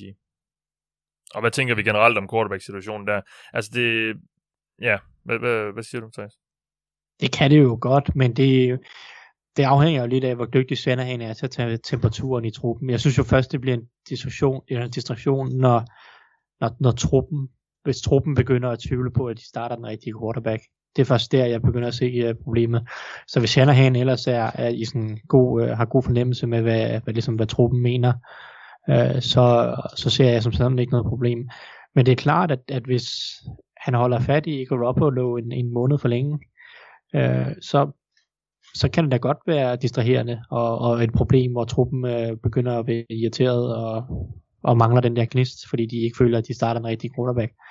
Så, så det, er jo, det er jo noget, Shanahan skal ind, og, og det, er jo den, det er jo den svære opgave, når man har med sådan en quarterback situation at gøre, at trænerne skal virkelig ind og have fingeren på pulsen i truppen, øh, omkring hvornår skiftet skal ske, og om, om nogen quarterback er klar, fordi der er også nogen, der kan blive pisse sure i truppen, hvis nogen quarterback kommer ind, og han bare øh, sejler rundt de første to måneder af sæsonen, når man har en erfaren en, som, som altså, så er der nogle af de erfarne spillere i truppen, der kan blive irriteret, fordi at, at så begynder man at tabe lidt flere kampe, end de synes er sjovt, ikke? Um, så Ja. jeg vil jo, ja, jeg, jeg ved ikke helt med Lance, om han er klar. Jeg synes, der har jo været mange vildt spændende ting med Lance, og jeg tror, at deres angreb bliver vanvittigt sjovt, når de først ruller Lance ud, fordi jeg tror, at Shanahan han bare hiver en playbook frem med øh, 17.000 forskellige sjove varianter, fordi at vi ved jo, hvor dygtig han er til at have et, et varieret løbeangreb, og så smider du så dygtig og mobil en quarterback ind, så tror jeg bare, at han, øh, så tror jeg, at han ryster alle sådan ud af ærmet, skulle jeg til at sige. Men, men, så jeg glæder mig meget til at se det, men, men der har også været nogle ting på Lanes, hvor det er også tydeligt at se, at han stadig også har nogle, nogle, nogle, nogle fejl og mangler i, i sit spil. Og det er jo så spørgsmålet, hvornår at upsiden øh, kompenserer for, for de fejl, der er. Ikke? Ja. Øh, så jeg ved ikke, jeg har ikke nogen stærk holdning til 49ers Nej, nej. øh, quarterback-situation, for jeg har ikke en god nok fornemmelse af, af, af Lance, så at sige. Jeg tror, jeg vil... Altså, Jimmy G, han ved jo, han skal videre. Og jeg tror, hvis det var mig, så vil jeg med mind... Altså, den eneste grund til, at jeg synes, Kyle Shanahan ikke skulle smide øh, Trey Lance på banen med det samme, det skulle simpelthen være, fordi han simpelthen bare ikke tror, at han kan være god. Altså, hvis han, hvis han, jeg synes jo, hvis Shanahan bare har den mindste tiltro til, at han kan være en, øh, en quarterback, der i hvert fald som minimum ikke ødelægger holdets muligheder for at vinde, så skal han på banen, Lance. Altså, Jamen, det, det er jo enig i. Det er, ja, enig altså, det er jo min generelle holdning, ikke? Altså, Ja, det er det, altså, fordi de, de har jo besluttet sig for, at han skal være fremtidens mand, og Jimmy G ikke skal. Så, så, så den eneste undskyldning, eller den eneste grund til øh, i mit hoved at starte Jimmy G, det, det er, at man simpelthen bare ikke tror, øh, at Lance er, er klar endnu. Det, det må Ja. vi så se. Der er stadigvæk ikke kommet noget klart. Der, nu er der sådan lidt, øh, kunne han finde på at rotere det lidt i løbet af, jeg ved ikke fra uge til uge, men også i kampene og så videre. Altså det, det er jeg ikke sikker på virker i længden, men det, det kan måske være noget, vi, vi kommer til at se. Uh, lad os lad os tage et spørgsmål, endnu et øh, quarterback-spørgsmål her. Det er Christoffer A., der skriver, før sæsonen er der en del startende quarterbacks, hvor der er tvivl om deres niveau. Daniel Jones, Jalen Hurts, Tua Tagovailoa, man kunne blive ved. Hvem af disse ser I have den største chance i løbet af sæsonen for at konsolidere sig som startende quarterback i fremtiden? Så sætter han sig på enten på deres nuværende hold eller et andet. Jeg vil sige, hvis de ikke kan gøre det på deres nuværende hold, så er der måske ikke så stor chance for, at de kan gøre det andre steder. Eller det ved jeg ikke, det kan det måske godt være. Men så er deres... Øh, så er der måske ikke så mange andre, der, der tror på dem. Anders, øh, Daniel Jones, Jalen Hurts, Tua. Øh, Daniel Jones har vi jo lidt mere tape på i forhold til de to andre. Øh, Mm. Hvem tror du mest på, øh, i hvert fald af de her navngivende nogen? Hvis jeg skulle rangere dem, så vil jeg øh, rangere dem omvendt øh, af den rækkefølge, de nævnes. Øh, I forhold også i forhold til de situationer, de er i. Så Tua, Hurts, øh, Daniel Jones. Jones. Ja, fordi for at jeg skal tro på, at Daniel Jones, så skal han næsten forbedre sig lige så meget, som Josh Allen han gjorde. Eller i hvert fald meget i forhold til at være en, en, en habil quarterback, fordi han har simpelthen for mange. Han har ligesom James Winston, han, han smider bolden væk for tit.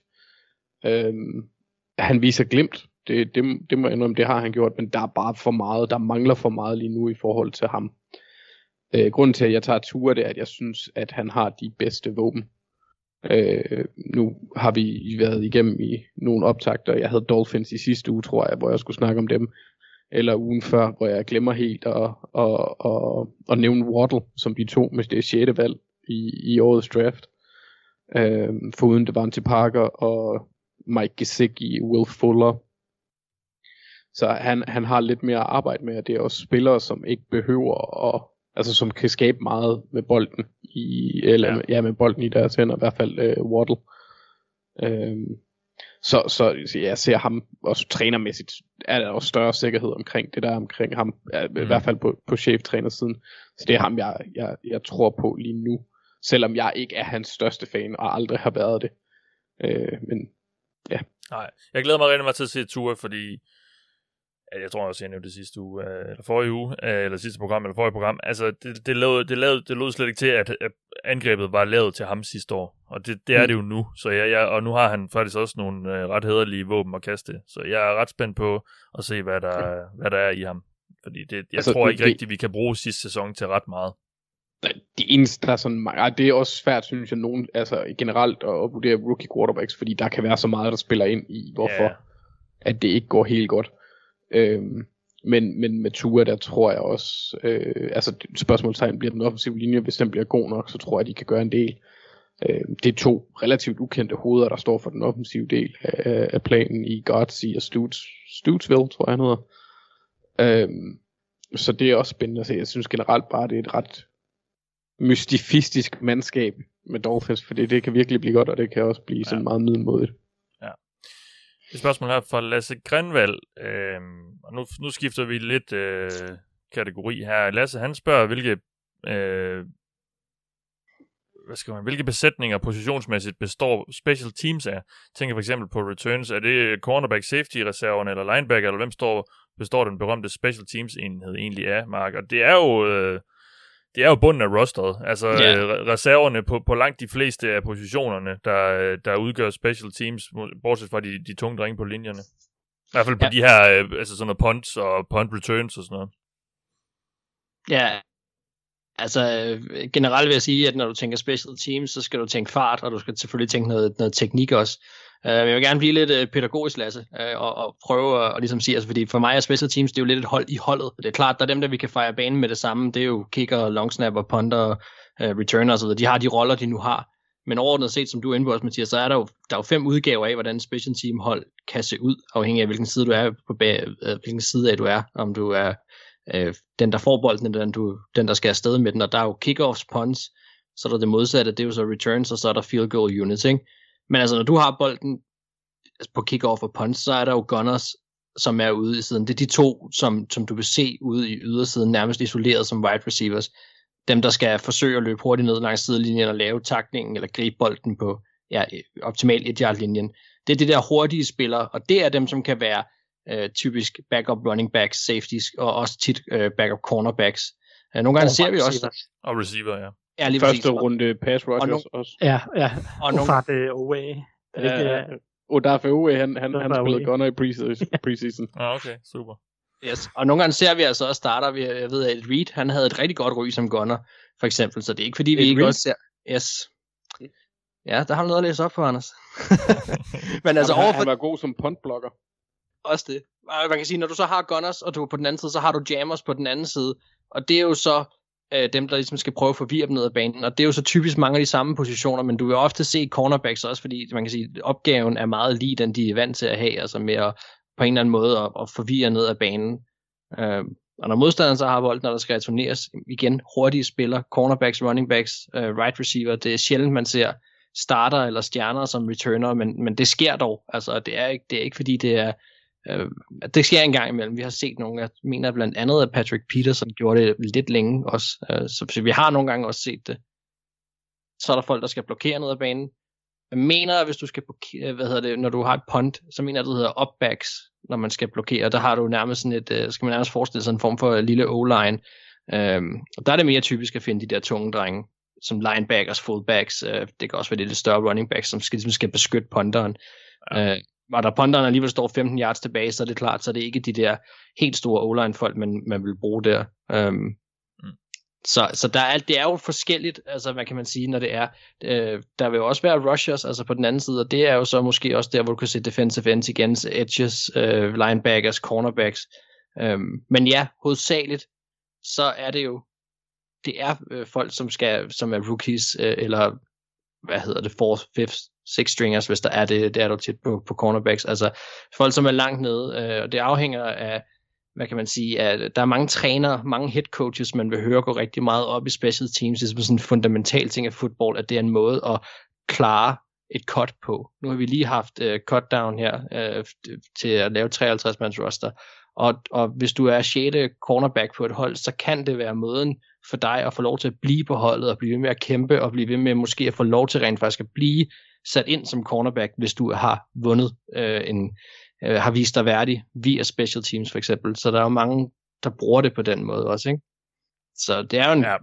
det er jo en stor fundamental ting af det, og, og der er mange, der ja. går enormt meget op i, at de der unge spillere skal ind og bevise sig der øh, først. Mm. Ja, og, og når, de skal, når de skal beskytte, øh, når der er på, på field goal øh, forsøg og sådan noget, så er det jo også øh, backup offensiv linje. Men altså, vi så jo Hjalte Frohold Ja, sidste år være inde præcis. på en masse special team spil, inden han kom ind og fik et, nogle snaps på angrebet. Altså, det er, jo, det er jo så der, de smider dem ind. Øh, der er også nogle af de normale starter, tror jeg, måske en enkelt eller to en gang imellem Det kan der Øh, sagtens være. offensivt. Men det er som regel backup guards og tackles og sådan noget. Dem der, som du alligevel har med til kampen, men som udgangspunkt jo ikke kommer i spil på angrebet, men så kan de jo så bruges til det der. Så det er, øh, er og tredje tight end, og sådan, altså i hvert fald generelt på special team, det er dem der, som, som ikke får så meget spilletid øh, på de normale enheder, men, øh, men så har en rolle der. Ja, og du kan, du kan jo bare generelt tænke også, at når, når man først begynder at forstå, at special teams er det der hold i holdet, og at der er nogle opgaver, de alle sammen hver især skal løses, så er der bare nogle positionsgrupper, som automatisk giver super god mening, øh, fordi det minder i forvejen noget om det, som, eller omkring noget af det, de ville skulle gøre, hvis de havde spillet deres mm. normale position, ikke? Et andet spørgsmål her, det kommer fra Andreas Svane. Han skriver inspireret af Thijs' sommerlæsning. Har jeg et coverage-spørgsmål. Hvad, hvad læste du her i sommer, Thijs? Øh, Jeg læste en bog, der hedder The Pass Coverage Glossary, tror jeg. Ah, okay. Han ja. skriver, ja, så skriver Andreas lidt mere. Holdene matcher ofte deres bedste cornerback med modstanderens bedste receiver. Hvorfor ikke dobbeltteame wide receiver øh, 1, går ud fra, der skulle stå, med øh, den bedste cornerback, eller hvorfor ikke dobbeltteame wide receiver 1, og så bruge den bedste cornerback på wide receiver 2? I mit hoved virker det mere effektivt, og, Andreas, det er også i hvert fald en tanke, jeg ved, Bill Belichick har haft, fordi det er sådan set noget, han har gjort ret meget. Jamen, så Er det er, ikke- så også det lige ikke- så klog som Bill Belichick. Det, Ja, præcis. Det kan jeg er det, øh, men øh, det, er i hvert fald sådan noget, han er lidt erkendt for at udbrede, tror jeg nok, Belichick, øh, det her med at sætte sin bedste corner på, på wide receiver 2. Øh, men øh, er det noget, vi sådan ser generelt i ligaen? Ja, det er meget forskelligt fra hold til hold, hvilke præferencer de har. Øh, det afhænger jo rigtig meget af også, hvem de møder, og hvordan... Det afhænger af mange ting. jo. Det afhænger først og fremmest af, hvem de møder, hvilken receiver det er, de møder. Øh, hvordan den receiver matcher op mod dine cornerbacks. Hvilke typer ruter den receiver løber meget. Øh, fordi der er så mange forskellige coverage, øh, coverages, og der er så mange forskellige coverage varianter. Så det handler også lidt om, hvad du er komfortabel med at spille som, som hold. Øhm, hvis du nu, der er stor forskel på, om du skal dække øh, en Mike Evans op, som altid løber ruterne på ydersiden øh, af, af forsvaret, eller du skal dække en Keenan Allen op, som næsten altid arbejder fra slotten af. Øh, om du, altså, og så afhænger det som sagt også af din egen øh, bedste cornerback. Hvad er han for en type? Er din, er din bedste cornerback, er det en øh, er Stefan Gilmore, der egentlig har det bedst med at være udvendigt, eller er det en Chris Harris, der var, da han var på toppen, jo egentlig nærmest havde det bedste indvendigt. Øh, det afhænger, så det afhænger jo meget af, hvad du har af muligheder for coverages, du gerne vil spille, og, og hele strukturen på dit forsvar, og så også, hvad det er for noget, øh, et, hvad for et angreb du møder, ikke? hvad er det for nogle ruter, de godt kan lide at løbe. Øh, men du har ret i, at altså Bill Belichick har jo ofte kørt det, man, kører, man kalder bracket coverage, hvor man jo netop har reelt set to mand på den bedste receiver, så at sige. Ikke? Så den ene har øh, korter på indersiden, og den anden har lang på ydersiden, for eksempel, eller mm. øh, sådan forskellige varianter af den type coverages. Øh, og så vil man så tage den bedste cornerback og sætte over for en af de andre receiver, og så på den måde skulle man jo gerne kunne eliminere to våben, ikke? Mm. Um, ja. så, men der er så mange faktorer i det, at man kan ikke lave nogen generel regel. Det afhænger om rigtig meget fra hold til hold, og sådan også bare træner filosofisk, hvad man føler sig komfortabel med. Um, fordi der, der er bare nogle cornerbacks også, som, som eller nogle trænere, der ikke kan lide at flytte der, deres bedste cornerback ind i slotten, fordi at de gerne vil have en slot receiver, der er god mod, mod løbet for eksempel. Det kunne man jo snakke om Steelers, altså det vigtigste for deres slot cornerback, det skal være løbeforsvaret, ikke? Altså, øh, så, så de vil helst ikke flytte en god cornerback ind i slotten, fordi så mangler de noget løbeforsvaret, føler de, ikke? Ja. Så, så der er jo mange, rigtig mange faktorer. Det er jo et kæmpe puslespil, sådan, hvordan man matcher op mod modstandere, og hvilke spillere man har, øh, og hvilke spillere modstanderen har. Ja. Og så øh, et slags behind the scenes spørgsmål her fra, det er faktisk også fra Bjarnum, som vi har haft på tidligere, Anders. Jeg ved ikke, om det, det vi skulle måske have taget lidt mere i fælles, men nu har jeg så sat dig på det. Han, han spørger, om vi kan anbefale nogle steder på YouTube eller Twitter, som, som vi selv bruger til at blive klogere på spillet, alt fra X's and O's til gennemgang af, hvad der gør den og den spiller god. Øh, hvem sværger I til? Ja, hvem sværger du til, Anders? Hvordan følger du med, eller holder du opdateret? Jeg, jeg, vil, øh, jeg, vil, jeg, jeg, jeg, jeg bruger Brandon Thorne er en, jeg rigtig godt kan lide at se, fordi han kigger meget på offensiv linje, og det er et område, som er øh, svært for mig at vurdere, fordi jeg øh, aldrig har spillet det, øh, eller øh, været særlig meget ind i det. Jeg synes, han får rigtig mange nuancer med i, når han forklarer det, og en re- relativt pædagogisk måde at videregive informationer på. Men det jeg egentlig er bedst til, det er at finde dem, jeg ikke gider at høre på. Øh, fordi jeg synes egentlig generelt, der er nogle tidligere spillere, som er, hvor, hvor deres takes er ret spændende. Og så er der alle dem, som optræder på FS1, og dem gider jeg ikke høre på. Nej. Altså, det, det er simpelthen nogle gange, hvor de siger sådan nogle, der var det uh, Archo-brødrene, siger vanvittige ting for tiden. Uh, der var en, der pointerede, jeg tror det var Sam, uh, at Buccaneers største svaghed var deres højre tackle. Og så, hvad? Altså helt som var en af de bedste højre tackles i ligaen. Ja, han var, han var all pro. Ja. Okay. Uh, så, så det er mere, ja. ja. uh, der er nogle tidligere spillere, som har nogle gode pointer, men der er også, jeg, jeg prøver at holde mig fra dem, der kommer i de take shows, hvor det handler om at skabe overskrifter. Ja. men hvor, altså, dem, dem gider jeg ikke, men dem, der snakker om spillet reelt, hvor, hvor man får noget viden, som man måske ikke ved. Øh, der var, jeg har også, og det er så ikke en NFL-spiller, men jeg har siddet og kigget, øh, for nogle måneder siden, så har jeg kigget et par videoer af en, der hedder Max Brown, som er tidligere quarterback øh, hos USC, som var en øh, femstjernet rekrut, der bare floppede totalt. Øh, men det er meget sjovt at sidde og høre, hvordan han ser spillet. Øh, Ja. sådan, lidt, lidt fra en anden, eller, eller fra førstehåndsindtrykket. Det er jo så primært omkring college. Mm. Øh, Jeg vil jo sige, det kommer afhængig også det der, hvilket content man godt kan lide. Der er jo en del podcasts derude, men hvis du godt kan lide YouTube, så vil jeg sige, at Brett Coleman går ret meget i dybden Mm. med, med X's and O's. Øh, og så ved jeg også, at Nick Tice lige har lavet sin egen lille, øh, sådan, det er så mere øh, written content, øh, hvor han, det har jeg selv subscribet til, det koster så også godt nok øh, 500 kroner om året, men, øh, men hvor han har tænkt sig at skrive om, hvad det er, han ser på de forskellige hold af, både sådan tendenser, men altså, hvor han giver sig selv plads til at sidde og skrive i dybden om scheme og tendenser og spil og sådan noget, som han sidder og ser. Øh, så der er jo mange forskellige derude. Ja, Øh, der er jo også en type. Ja. der er også en type som Ted en, hvad hedder han, Nguyen, eller Nguyen, eller hvad ja. UN. Nguyen. Øh, Ted Nguyen, som jo skriver for The Athletic, mener jeg. Han havde i hvert fald sidste år også sådan noget med, og han havde ugens øh, spil, tror jeg, eller ugens koncept, eller et eller andet den stil. Øh, hvor han høj, hvor sådan highlightet et eller andet spil fra ugen, øh, som Ja. han synes var fedt. Så, men ja, Det var et par bud her, Bjørn, om på hvad du kan støve op på internettet. Der er rigtig, rigtig mange, der beskæftiger sig med NFL. Og flere og flere hvert år jo, fordi det bliver bare større og større. Uh, så der er, der er masser at komme efter. Men uh, skal selvfølgelig også lige vide, hvor man kan lede, og det var så i hvert fald nogle bud på det.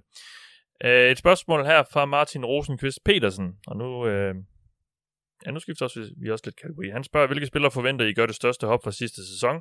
Altså, hvilke spillere ser I udvikle sig mest fra sidste sæson? Og Martin, øh, vi er jo sådan set kommet med nogle breakout-kandidater for et par uger siden i et program. Og det kan du så finde. Mark, jeg ved ikke, om du har et par, øh, par, par bud mere, Martin kan holde øje med. Nej, øh, øh, ja, jeg ved heller ikke, om jeg egentlig helt synes, det er det samme, fordi det der med, at man kan gøre et stort... okay. Men, Nå, nej, men, nå, men det der med at kunne gøre et stort hop for sidste år, det kan også være fordi, at, at der var nogle omstændigheder på holdet, men det betyder Jo, ikke nødvendigvis, synes jeg, de har udviklet sig så meget. Altså, jeg forventer stadig, der vi så noget talent, der blev lidt holdt tilbage sidste år. Jeg synes, hvis vi skal, måske skal nævne nogle af dem, jeg kan ikke huske, om han er blevet nævnt før, øhm, men Ben Theis har været lidt inde på mig også i forhold til, til hvad hedder det, Patriots, altså Jacoby Myers bliver sjov at se i år, tror jeg. Øhm, i og med, at T.Y. Hilton er ude nu, så, så vil man forvente, at Michael Pittman også i, i Colts går ind og får en, en rolle, hvor han skal har i hvert fald chancen for at præstere øh, noget mere. Og så har jeg også en type som øh, uh, Legere Sneed, i, øh, som er cornerback i Chiefs. Uh, han, han får virkelig muligheden i år også for at, at skulle gå ind og bevise sig. Um, så det er i hvert fald nogle spillere, hvor man kan sige, der er nogle ting i støbeskeen til, at de får i hvert fald chancen for at gøre det.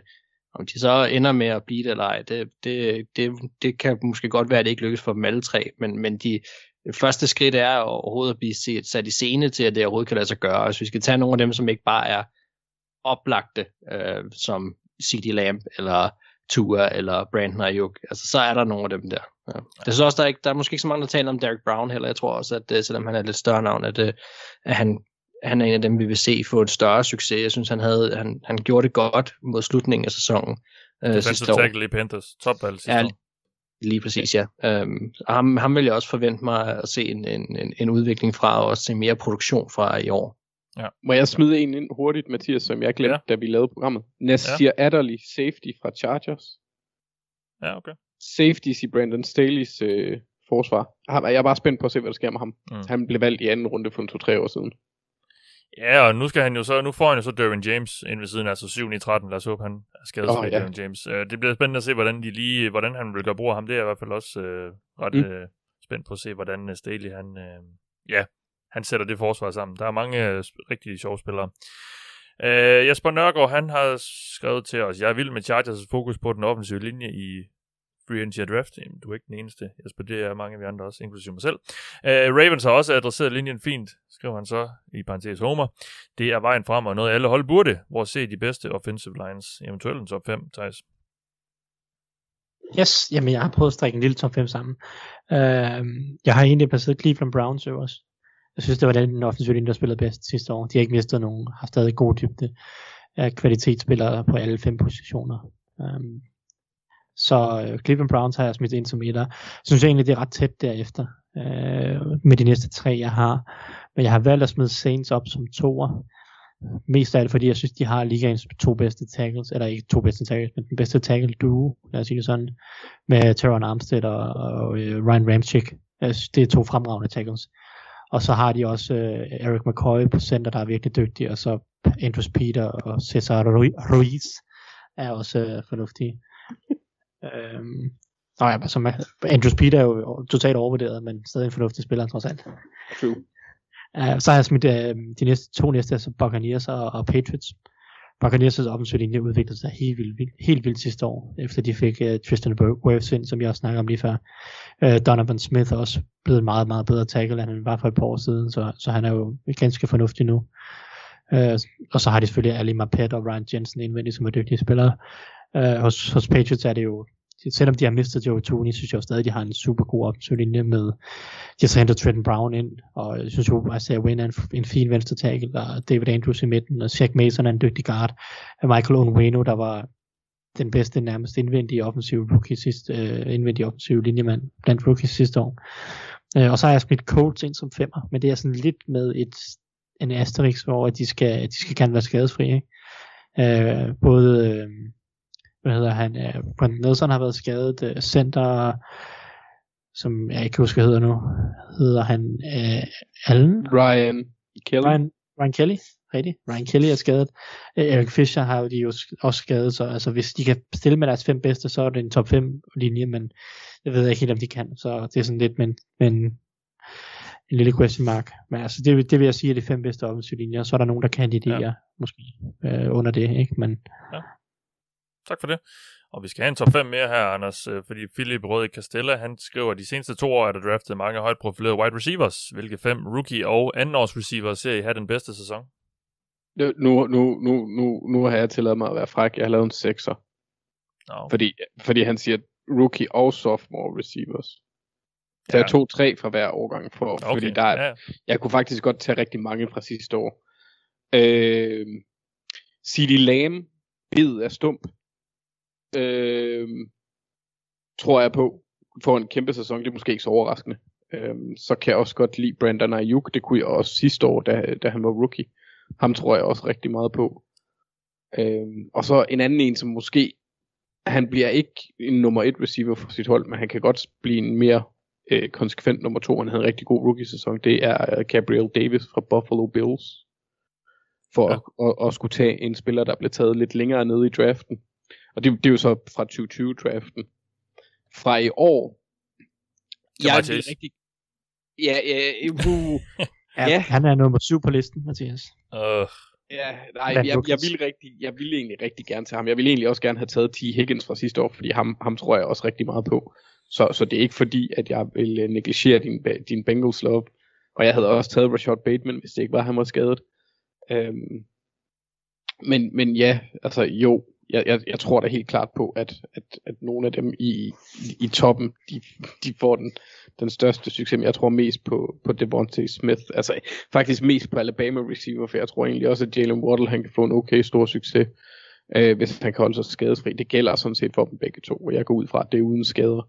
Og, men jeg har egentlig taget Devontae Smith, og så har jeg taget The Morse, Elijah Rondale.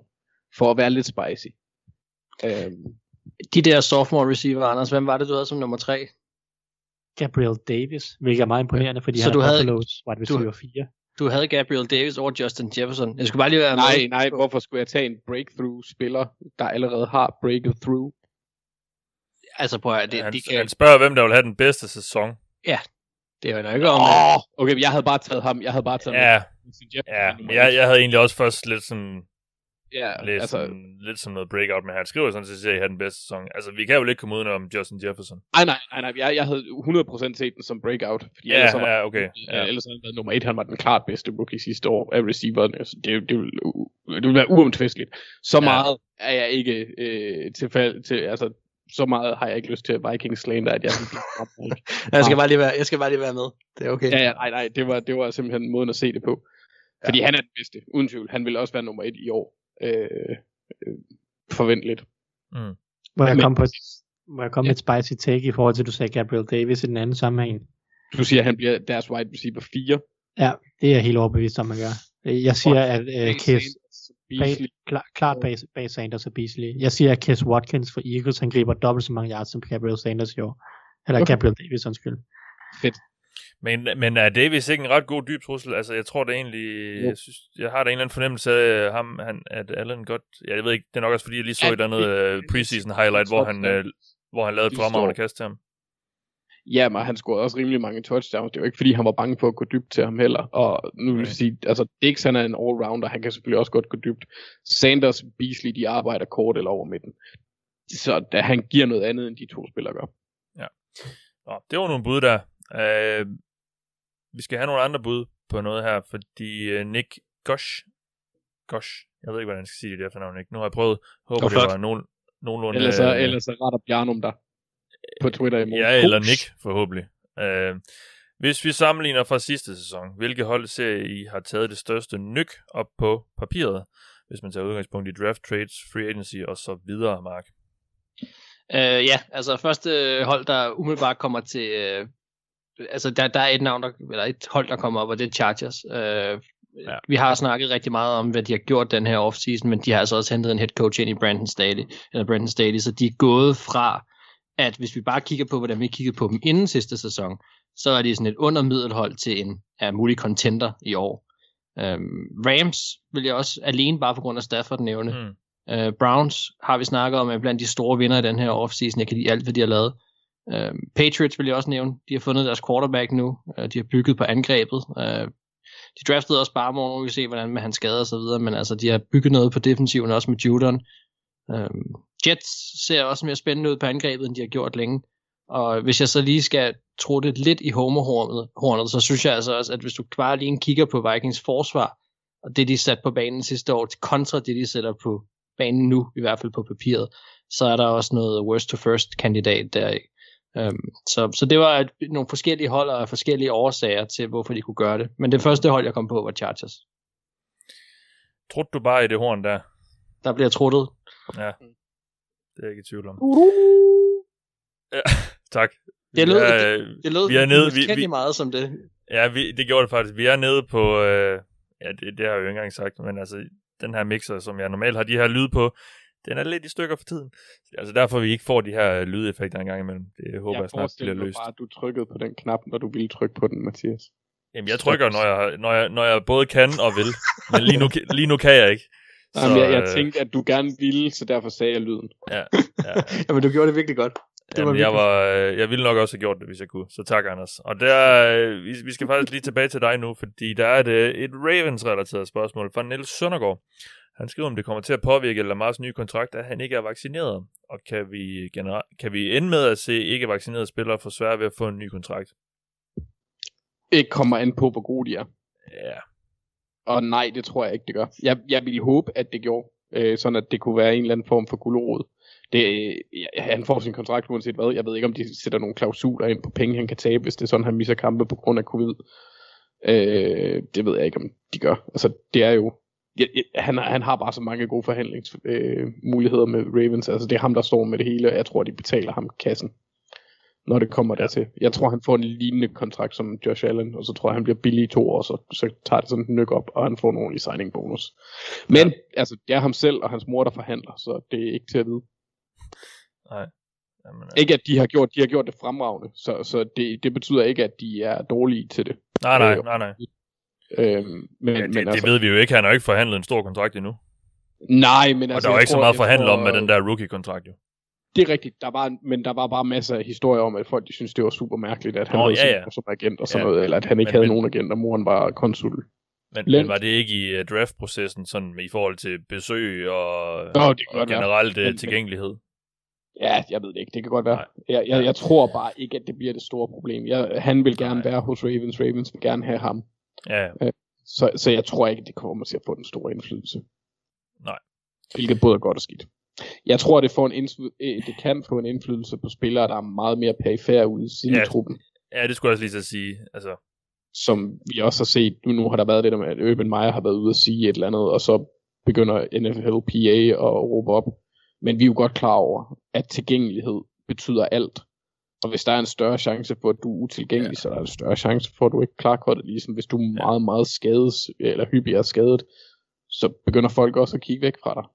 Eller du ja, får en dårlig i forhold til det der, ja, i forhold til det der med Urban Meyer og Jaguar, så der historie ud om, at de måske, måske ikke havde valgt, eller havde kottet spillere, fordi, eller fordi, fordi de ikke var vaccineret og sådan noget, og, og de havde, hvad var det også noget med, at de havde overvejet at sende ud, øh, sende et eller andet, øh, deres øh, roster-liste ud med øh, vaccinationsstatus på, eller eller andet, var det ikke sådan noget med det også, eller sådan, det ved jeg ikke. Men De altså, havde det- ikke gjort det. De Jamen, det, det. det siger de i hvert fald, de ikke har gjort. Det er den samme samtale, eller samme udtalelse, som Brandon Bean han kom med tidligere på sæsonen med, at det kan da få en indflydelse.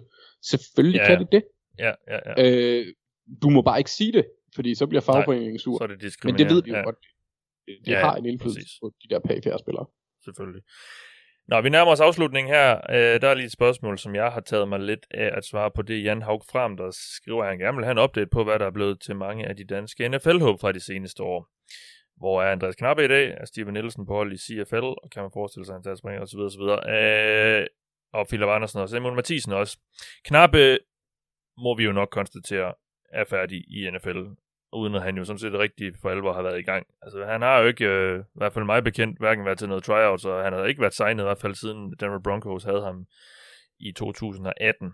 Og det er jo altså i tre år i NFL-sammenhæng, det er rigtig meget, når du øh, i hvert fald aldrig har vist dig frem i en, øh, i en regular season kamp. Så jeg tror nok desværre, at vi må konstatere, at Andreas Knappe ikke bliver at finde i NFL igen. Øh, Steven Nielsen, som jo også er offensiv linjemand, han øh, gør sig i Edmonton Elks i CFL. Så ja, han er på roster der, og var det ikke også noget med, at han spillede?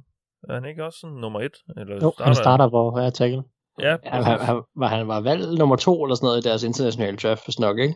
ja her i øh, tidligere på året i foråret, ja. Ja, og der var så nok en punter eller kicker, der blev valgt nummer et, men altså, whatever. Ja, der, han og der blev nu- taget, jeg tror, der blev taget seks punter i første runde.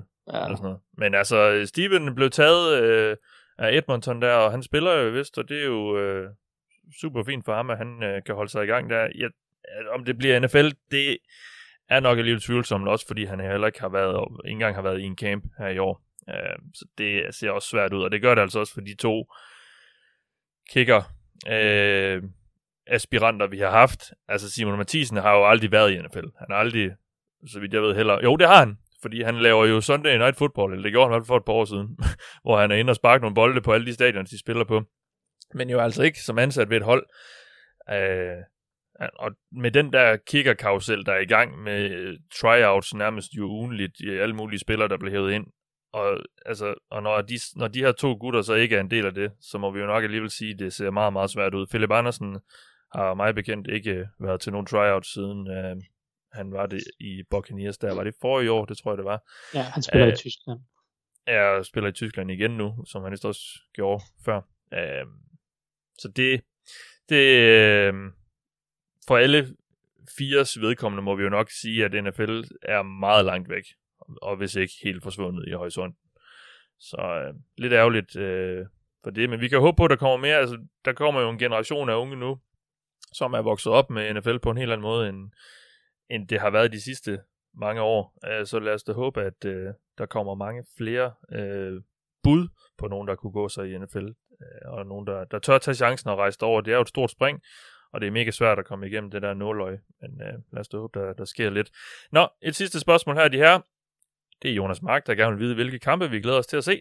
Og har vi nogen, øh, er der nogen, vi har sat en cirkel omkring? Altså, jeg må indrømme, jeg har faktisk, når det der schedule kommer ud, jeg, jeg, jeg kigger ikke på det, fordi jeg glemmer det alligevel med det samme. Men øh, er der nogen kampe, I ser mere frem til øh, end andre? Øh, Selvfølgelig, Mathias, øh, selvfølgelig alle ikke- jeres, jeres, egne, jeres egne holdskampe, men, øh, men udover det, Det er bare fordi du er Bengals fans. Bengals fan, så ser du aldrig frem til nogle kampe. jeg ser frem til U1. Ja, det skulle jeg til at sige, vi skal da ikke længere frem endnu 1, Mathias. Det er da ikke så Nej, svært. nej, nej. Men hvis vi, nu, hvis vi nu skal kigge bort fra, eller se bort fra vores egne hold, Ja, altså jeg vil sige, der, Det der, kan jeg ikke. Ja, men nå, okay, nej, det, kan jeg, det kan jeg godt. Altså, når du kigger igennem dem her, så er der klart nogle brag, der, der er sådan værd at vælge med, altså at cirkle alene bare øh, på grund af de quarterbacks og angrebs og så videre, der skal møde hinanden. Øh, det kommer til at være sådan rimelig lige til, og det har amerikanerne som regel også scheduled til de sene kampe, så, så der er jo ikke så meget der. Men jeg synes, der er nogle kampe, som kan være måske lidt undertippet sjove. Altså, jeg har for eksempel sådan noget Broncos Steelers i uge 5. Altså, jeg glæder mig til at se de der to forsvar. Jeg kan godt lide de der lavt scorende forsvarskampe, hvor vi bare får, øh, hvor vi bare, ja, simpelthen får folk øh, tæsket nærmest øh, ved, ved, ved hårdt og brutalt forsvar. Det synes jeg skulle er, det har jeg sgu lidt en svaghed for. Det synes jeg er ret fedt.